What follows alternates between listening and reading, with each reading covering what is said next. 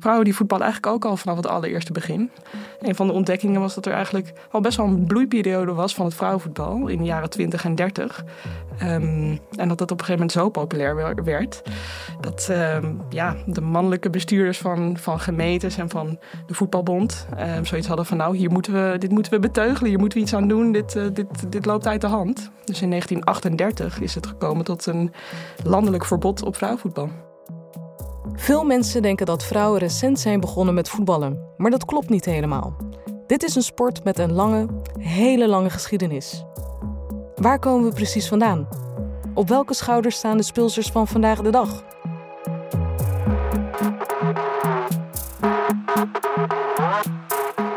Je luistert naar Gelijkspel is winst. Mijn naam is Wasima Tashmoet.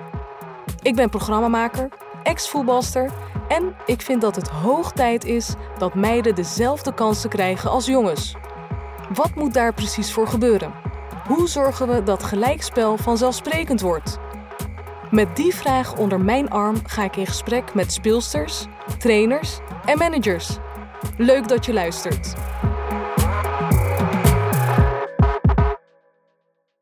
Vandaag is voetbalster Tessel Middag bij mij aangeschoven. Ze is niet alleen middenvelder bij FC Rangers in Glasgow, maar is ook afgestudeerd historica en heeft onderzoek gedaan naar de geschiedenis van vrouwenvoetbal in Nederland. Maar voor we daarin duiken, wil ik eerst meer weten over haar eigen geschiedenis. En die begint met de inschrijving bij de lokale voetbalclub toen ze vijf jaar oud was. Ja, dat was de minimumleeftijd. Uh, maar daarvoor voetbalde ik al op straat. En uh, op de basisschool in de, in de kleine en de grote pauze en na school. Dus volgens mij was ik toen een jaar of uh, ja, vier. Dus ik was eigenlijk uh, ja, heel jong toen ik met de voetbal voor het eerst in aanraking kwam. Ja, en, en ja, begon je meteen tussen de meisjes? Of was het een gemengd team? Neem ons even mee. Uh, nou ja, dus toen ik uh, vijf was, uh, ging ik voor het eerst bij een, ja, dan echt een voetbalclub. En dat was in een jongensteam. ik was het enige meisje dat, ja, volgens mij bijna bij de hele club die daar voetbalde. Dus, nou ja, dus iets van 25 jaar geleden. Maar ja, dat klinkt een beetje gek nu. Maar eigenlijk was het helemaal niet heel gebruikelijk voor meisjes om te voetballen. Dus ik heb best wel vaak de vraag gekregen waarom ik niet op tennis of op hockey zat. Was toch nog een beetje raar dat je als meisje voetbalde. Um, dus eigenlijk, ja, terwijl ik nou ja, wat, dus mijn vijfde en de vijftiende kwamen eigenlijk steeds meer meisjesteams. Um, dus ging er wel steeds meer meiden voetballen. Um, alleen, ja, ik vond het eigenlijk ook wel heel leuk om met jongens te voetballen. Want dat was ook een beetje ja, mijn niveau, zeg maar. Dus op een gegeven moment hadden we dan één meisjesteam uh, bij Taba, de club waar ik begonnen ben, in Watergaasmeer in Amsterdam. Um, maar ja, dan heb je zeg maar meiden van ten eerste allerlei verschillende leeftijden door elkaar. Uh, en ook van allerlei verschillende niveaus. En ik uh, ja, was toch al wel vrij, op jonge leeftijd al wel vrij fanatiek. Dus ik wilde wel een beetje in een team spelen ja, waar, ik, uh, waar ik goed in mee kon draaien. Dus um, ja, ik heb eigenlijk tot mijn achttiende, en dat is best lang, met, uh, met jongens gevoetbald. Zo, tot je achttiende? Ja, ik vond het eigenlijk ook wel heel leuk om met de jongens te spelen. En ook op, op de basisschool. Ik had vooral jongetjes als vriendjes. Dus ik was ook gewoon vrij jongensachtig zelf. Dus ja, het voelde voor mij heel natuurlijk om um, ja, ook met jongens te voetballen, zeg maar. Ja, ja, ja. Ja, en hoe was dat ook uh, fysiek uh, gezien, ook uh, zo rond je puberteit? Want jongens worden op een gegeven moment ook ja, fysiek groter. Er wordt echt van jongetjes worden dat gewoon mannen op een gegeven ja, moment. Ja, ineens bomen van jongens, nou. van venten. Ja, klopt. Um, ja, een beetje vanaf mijn 15e, 16e, 17e.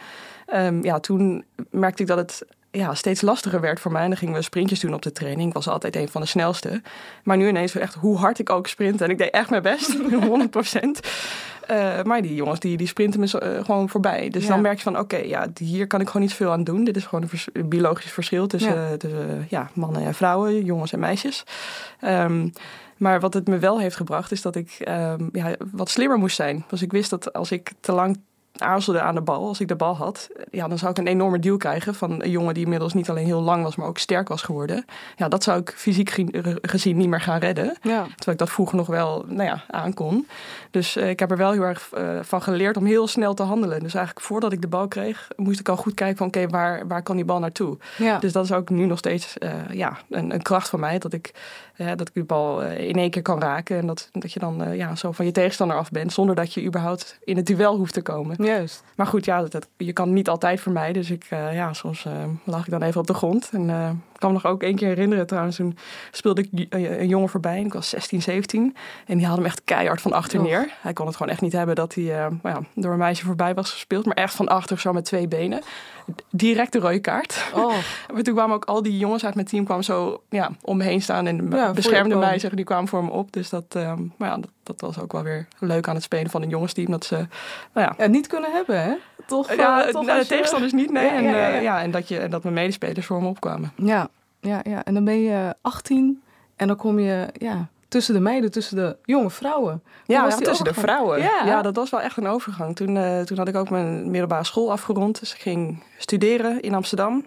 Um, er was nog geen uh, voetbalteam in Amsterdam waar ik terecht kon.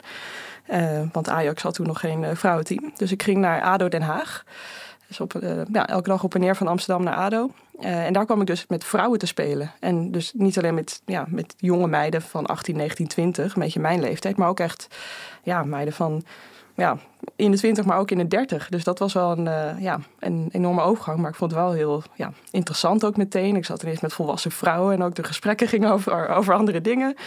Um, maar ja dat, uh, ja, dat is eigenlijk heel goed bevallen. Ik vond het een heel leuk jaar. En het was ook een, uh, ja, het voelde wel als een warm bad waar ik, waar ik in terecht kwam. de coach dat jaar was Sarina Wiegman.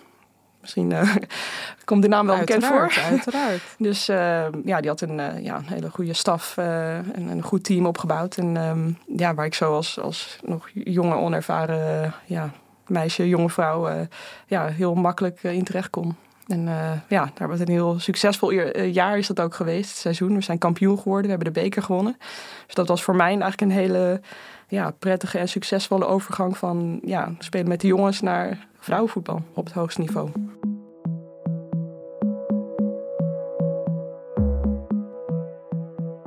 Denk ook wat, wat me geholpen heeft, ook in die, ja, in die jeugdfase, zeg maar, of in, rond mijn puberteit, was, was ook dat ik niet alleen bij de jongens van, van Swift speelde, uh, maar dat er ook op dat moment een, dat noemen ze KVB Talent Team, -hmm. dat is later CTO Team gaan heten. Dus dat zat in, uh, in ja, in Slotervaart in Amsterdam West.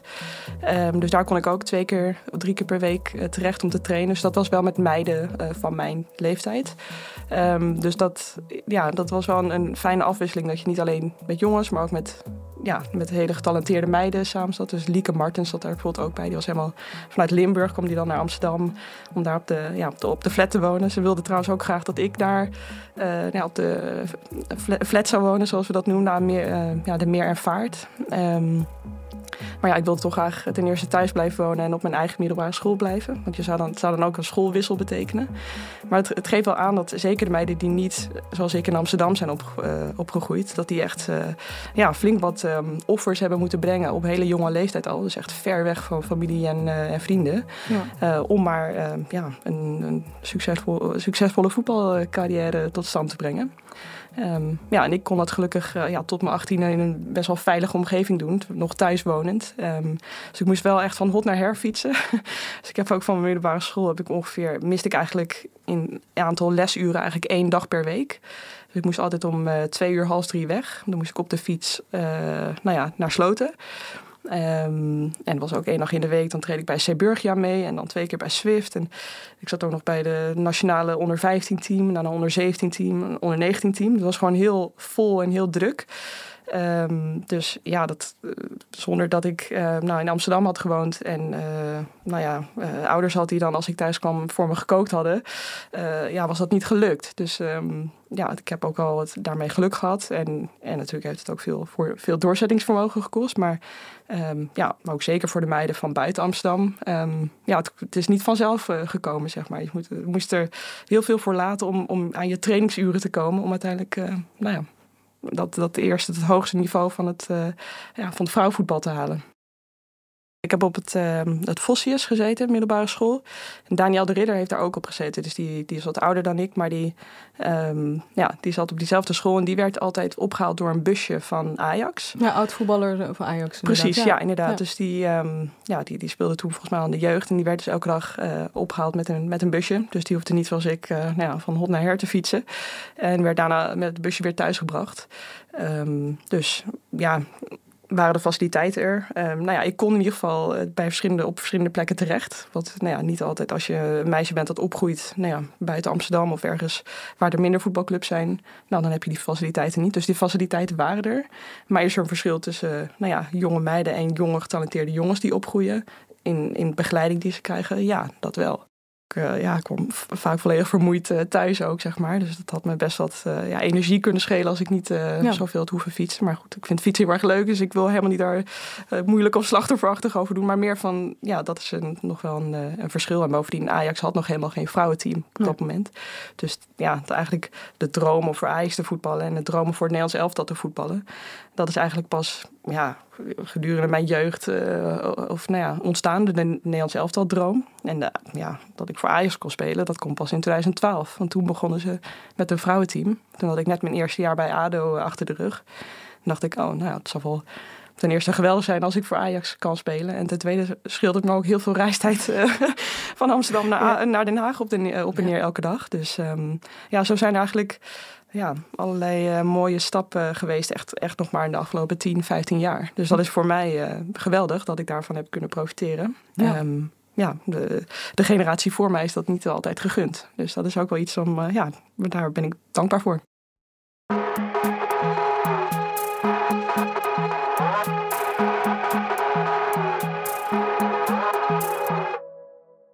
Vanuit datzelfde historische besef raakt Tessel ook nieuwsgierig naar de beginperiode van het vrouwenvoetbal in Nederland.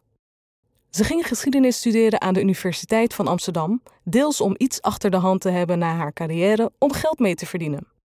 Ze besloot voor haar studie de wortels van het vrouwenvoetbal te onderzoeken. dat was een beetje vanaf 1890 werd voetbal eh, geïntroduceerd als sport in Nederland. kwam over, overgewaaid vanuit Engeland. Um, en ik heb ja, de periode tot aan 1940, tot aan het begin van de Tweede Wereldoorlog heb ik onderzocht. Um, ja, moest ergens een, grens trekken en het was al best wel veel.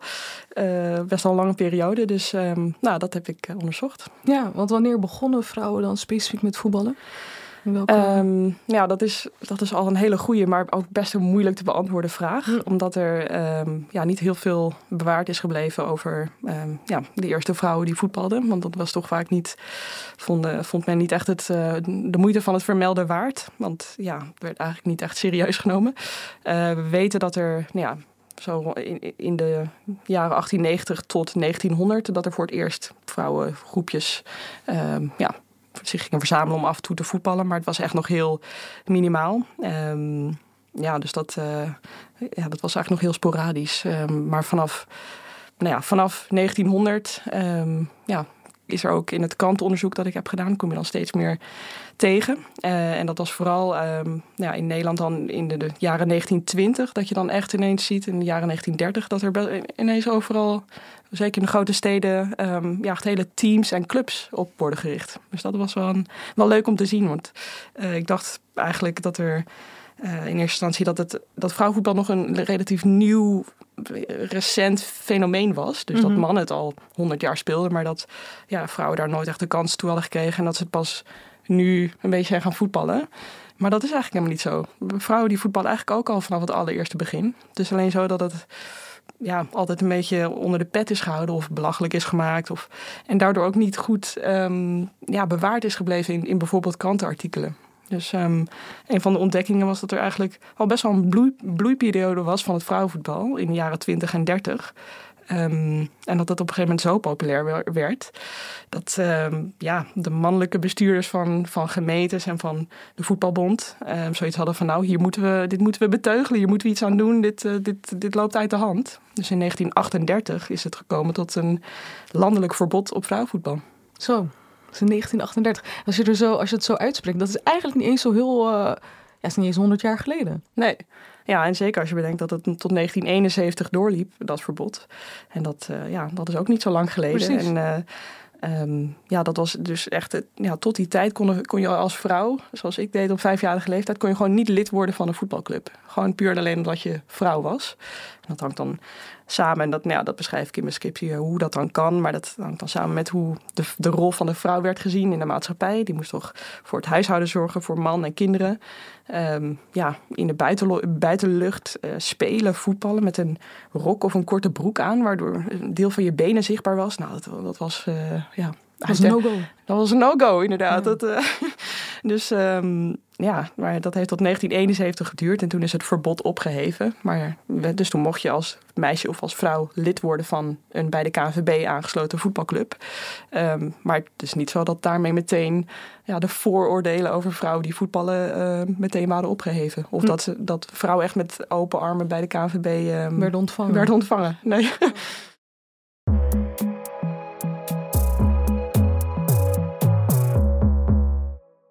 Nee, zelfs na 20 jaar in de jaren 90 is er nog altijd weinig vooruitgang geboekt. Andries Jonker kan daarover meepraten. Hij is de huidige bondscoach van het Nederlands elftal en kan zich die periode nog goed herinneren. In 1990 ging ik bij de KNVB werken. Ja, en, en daar zat in de taakomschrijving dat ik uh, uh, drie dingen moest doen in de kern. Opleidingen verzorgen. Nou, dat vond ik hartstikke leuk, cursus. Uh, kinderen enthousiast maken voor voetbal en houden voor voetbal. Bij clubs, dat vond ik ook leuk. En daar waren ook meisjes bij, dat vond ik prima. Maar ook uh, Jeugdplan Nederland, dat was zeg maar selectieactiviteiten voor getalenteerde jongens en meisjes. En met die meisjes dacht ik, ja, daar ga ik niet aan beginnen. Ik ga niet met uh, meisjes voetballen. Dat vind ik allemaal niks om daar mijn tijd aan te besteden. En die meisjes, die spelen al dat Jeugdplan Nederland in de afdeling Haarlem, zo heette dat. KNVB afdeling Haarlem. Die spelen allemaal in Zandvoort. Het huidige station, het treinstation van Zandvoort, aan de rechterkant lag een voetbalveld. En uh, als je met de trein aankwam, keek je op dat veld. En toen ben ik op een avond heel stiekem daar gaan kijken, achter een dikke boom. Ja, wat, wat ik daar nou eigenlijk van vond van het meisjesvoetbal, was onder 23. En toen dacht ik, ja, dit is toch wel aardig. Er zitten toch een paar bij die kunnen wel een beetje voetballen. Nou, toen heb ik dat schoorvoetend uh, gezegd, nou, ik ga het toch maar proberen. Dus toen heb ik dat, dat, die hele afdeling Haarlem doorgekrost op zaterdagen. Op zoek naar uh, meisjes waarvan ik dacht, nou jij kan wel aardig voetballen. En misschien wilde wat voor gaan doen. En die meisjes allemaal overtuigd. Uh, drie keer in de week te gaan trainen. Ook met jongens te trainen. Ja, en toen ze dat eenmaal gingen doen, toen ontwikkelde zich heel snel. En we hadden een paar die konden echt aardig voetballen. En op het einde van het seizoen speelden dan tegen andere afdelingen van de KNVB. En waren we kampioen van Nederland. Ja, en daarmee was ik natuurlijk om, omdat ik dat steeds leuker vond. Dat die meiden de, uh, zoveel gaven, zo enorm hun best deden, zo trouw waren in gaan trainen, omdat ik dat dan zat gevraagd. Tot 1954 werden de mannen ook niet betaald. Voetbal moest een amateursport zijn. Maar op een gegeven moment werd er bedacht om de spelers wel te gaan betalen. Want dat zou de kwaliteit van het voetbal verbeteren. Maar omdat, dat was dus midden in de periode dat de vrouwenvoetbal ja, verboden was. Dus je mocht überhaupt niet bij een amateurvereniging eh, voetballen als vrouw. Dus ja, pas heel, ja, heel veel jaren later, ruim 50 jaar later, in 2007, werd de Eredivisie Vrouwen opgericht. En dat is wel ja, een belangrijk historisch verschil waar, ja, waar, waar we ons wel bewust van moeten zijn. Als we nu bijvoorbeeld zeggen van ja, maar bij die Eredivisie Vrouwen, daar, komen, ja, er komt geen kip kijken bij die wedstrijden. En uh, ja, 2000 toeschouwers, dat is toch niks als je het vergelijkt met de 50.000 um, toeschouwers die voor de mannen van Ajax uh, elke twee weken uh, ja, die daar naartoe komen. Maar dan is het dus wel goed om te bedenken van, nou ja, um, de mannen hebben ook wel veel langere tijd gehad om ja, dat product, het voetbal, te ontwikkelen. Uh, om fans aan zich te binden. Um, en dat, ja, die tijd moeten we het vrouwenvoetbal ook geven. En hopelijk duurt het niet 50 jaar. want als we er veel in investeren, dan, dan hoeft dat helemaal niet zo heel lang te duren. En het voordeel is dat je nou ja, bepaalde fanbases, dat je die gewoon al hebt, zeg maar. Alleen, ja, het vrouwenvoetbal kan ook nieuwe, uh, nieuwe mensen naar het voetbal krijgen. Dus het is wat meer familievriendelijk. Uh, want over het algemeen is het nog minder nou ja, gewelddadig, zeg maar. Of, of er worden minder spreekkoren uh, gezongen. het is LGBT-vriendelijker. Dus um, ja, ik denk eigenlijk dat het vrouwenvoetbal juist ook weer hele nieuwe groepen mensen naar, ja, naar, de, naar het stadion kan laten komen. Um, maar we moeten wel een beetje de tijd geven. Ja, er zijn ook zeker in de afgelopen jaren mooie grote stappen gezet. Um, als ik het zo aan jou vraag, waar valt er nog winst te behalen? Um, nou ja, uh, als je kijkt naar de Eredivisie Vrouwen, is er, zijn er best wel veel verschillen tussen clubs. Ik denk wat er, uh, dat er bij Ajax en PSV en Twente zijn hele goede stappen gezet, bijvoorbeeld uh, voor een CAO. Dus dan heb je als je, als je daar als, als vrouw tekent, dan, heb je gewoon, dan word je eigenlijk beschermd door een aantal ja, ehm, ja, dingen in de wet, zeg maar. Dus je, je krijgt automatisch um, zwangerschapsverlof bijvoorbeeld. Of voor vergoeding als je uh, zwanger wordt, je salaris wordt doorbetaald.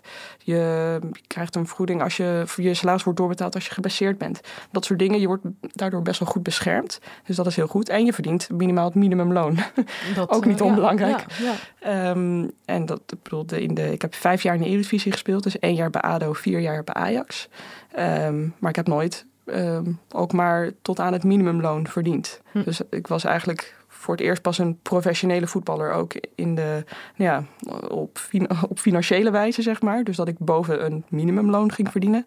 Toen ik op 23-jarige leeftijd van Ajax naar Manchester City ging mhm. in Engeland. Um, nou, het zou mooi zijn als nu in Nederland, dus niet alleen bij die clubs waar al nou ja, bij de topclubs waar al een CAO is, waar het inmiddels goed geregeld is. Uh, dat niet alleen daar de meiden minstens een minimumloon kunnen verdienen, maar dat het ook gaat gelden voor de, voor de andere clubs in de Eredivisie. En dat is op dit moment nog niet het geval. Uh, dus ja, dat is bijvoorbeeld iets wat ik, uh, ja, waarvan ik hoop dat het um, verbeterd kan worden. En nou ja, ik heb nog wel wat andere dingen hoor, maar um, ja bijvoorbeeld de medische, medische faciliteiten. Um, heeft elke club toegang tot een gym en tot een fysiotherapeut en tot een dokter. Ja, het klinkt heel basaal als je een professionele voetballer bent en je, bent, ja, je vraagt het uiterste van je lichaam. Maar dat zijn dan wel basisvoorwaarden om, om goed te kunnen presteren. En dat is ook nog best wel een uh, strijd af en toe. Ja. En je hebt ook in uh, Engeland uh, gevoetbald. Um, hoe worden de vrouwen daar gefaciliteerd ten opzichte van Nederland? Uh, hoe gaat dat? Ja. ja, ik heb inderdaad twee jaar bij Manchester City gespeeld en twee jaar bij West Ham United in Londen. Um, ja, dat is de Engelse competitie. Is, ja, staat wel bekend als eigenlijk de beste ter wereld. Misschien uh, ja, de Amerikaanse competitie staat ook heel erg aangeschreven. Maar zeker in Europa is de Engelse competitie toch wel uh, ja, waar, waar veel speelsters naartoe willen. En ja, dat komt ook um, ja, omdat er clubs enorm veel investeren in het vrouwenteam. Um, ja, hele goede velden, faciliteiten, hele, uh, veel staf, veel speelsters. Um, ja, dus dat is, uh, dat is eigenlijk wel een beetje het beloofde, beloofde vrouwenvoetballand op dit moment. Ja, ja. En op welke vlakken ja, kan Nederland leren van Engeland? Um, ja, je ziet daar wel dat daar veel kennis zit op, uh, ja, op medisch gebied en op um, ja, strength and conditioning noemen ze dat in, in Engeland op dat, uh, op dat vlak. Um, je ja, die competitie gaat, de, de intensiteit daarvan gaat echt elk jaar zo enorm omhoog. Dus dat, uh, ja, de fiscal demands, uh, hoe zeg je dat in goed Nederlands? De, de, de vereisten, zeg maar, om, om daar mhm. te spelen, die gaan e-, elk jaar omhoog. Dus dat, um, ja, dat merk je gewoon aan de, ja, de, de trainingsintensiteit. Het ligt veel hoger en de wedstrijden zijn op hoger niveau dan op dit moment in Nederland het geval is. Um, dus ja, aan, aan, aan dat soort uh, dingen merk je het. En uh, ze, ja, ze weten speelsters van over heel Europa en, en heel de wereld aan te trekken. Ja. Uh, en dat zou natuurlijk mooi zijn voor de Eredivisie ook, als, uh, als dat uiteindelijk zo'n aantrekkelijke competitie wordt. Dat um, ja, bijvoorbeeld Nederlandse meiden zoals ik daar terugkomen, maar, uh, terugkeren. Maar ook dat, ja, dat er nog meer buitenlandse speelsters komen die de competitie versterken. Ja. Wat zijn jouw dromen voor het vrouwenvoetbal? Um, ja, dus ten eerste dat, dat meer meiden in Nederland ja, echt een, een, carrière van kunnen maken. Een, zonder dat ze er iets naast hoeven doen. Uh, nou, dat, mijn andere droom is dat er uh, nog veel vaker in, in de grote en het liefst uitverkochte stadions uh, gespeeld gaat worden. Um, ja, de, de wedstrijd Ajax-Feyenoord in de Arena is daar een heel mooi voorbeeld van. Was geweldig om te zien. Ik had zelf ook één keer, toen ik bij Ajax speelde, het genoeg om in de Arena te spelen.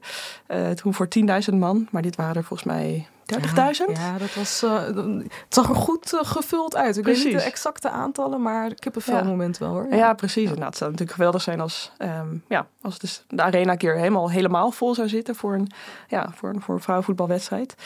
Um, dus nou ja, dat zijn zo van die dromen. En hoe zie jij uh, de toekomst voor je, voor het vrouwenvoetbal? Ja, ik, um, ik, zie, ik zie volle stadions voor me. Ik zie nog meer, um, nog meer mensen die op tv kijken. Um, ik zie eigenlijk, uh, ja, het, kan eigenlijk niet anders dan dat de populariteit van vrouwenvoetbal alleen maar verder gaat groeien. Um, met meer investeringen zal ook het spel gewoon veel beter worden. Het is fantastisch om te zien als je jonge meisjes nu ziet voetballen en wat ze allemaal kunnen met een bal. Dat ik denk van, nou ja, ik was ook heel veel aan het voetballen op jonge leeftijd. Maar ja, ik kon echt niet zo goed voetballen als zij nu. Dus het is volgens mij heel uh, ja, spannend om te, om, ja, om te bedenken hoe over tien jaar wat voor enorme toptalenten we dan bij Nederlands elftal gaan zien. Ik kijk er ook uh, enorm naar uit. Ja, ik ook. Tessel, ik wil je ontzettend bedanken voor dit uh, fijne gesprek. Dankjewel. Dankjewel.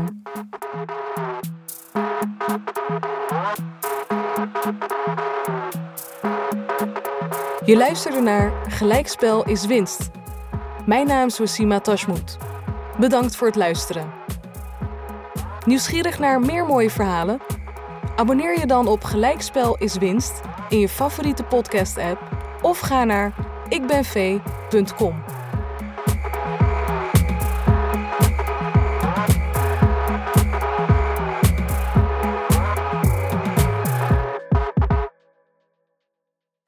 podcast Gelijkspel is winst is een initiatief van Ik Ben V, een beweging die strijdt voor gelijke kansen in het voetbal.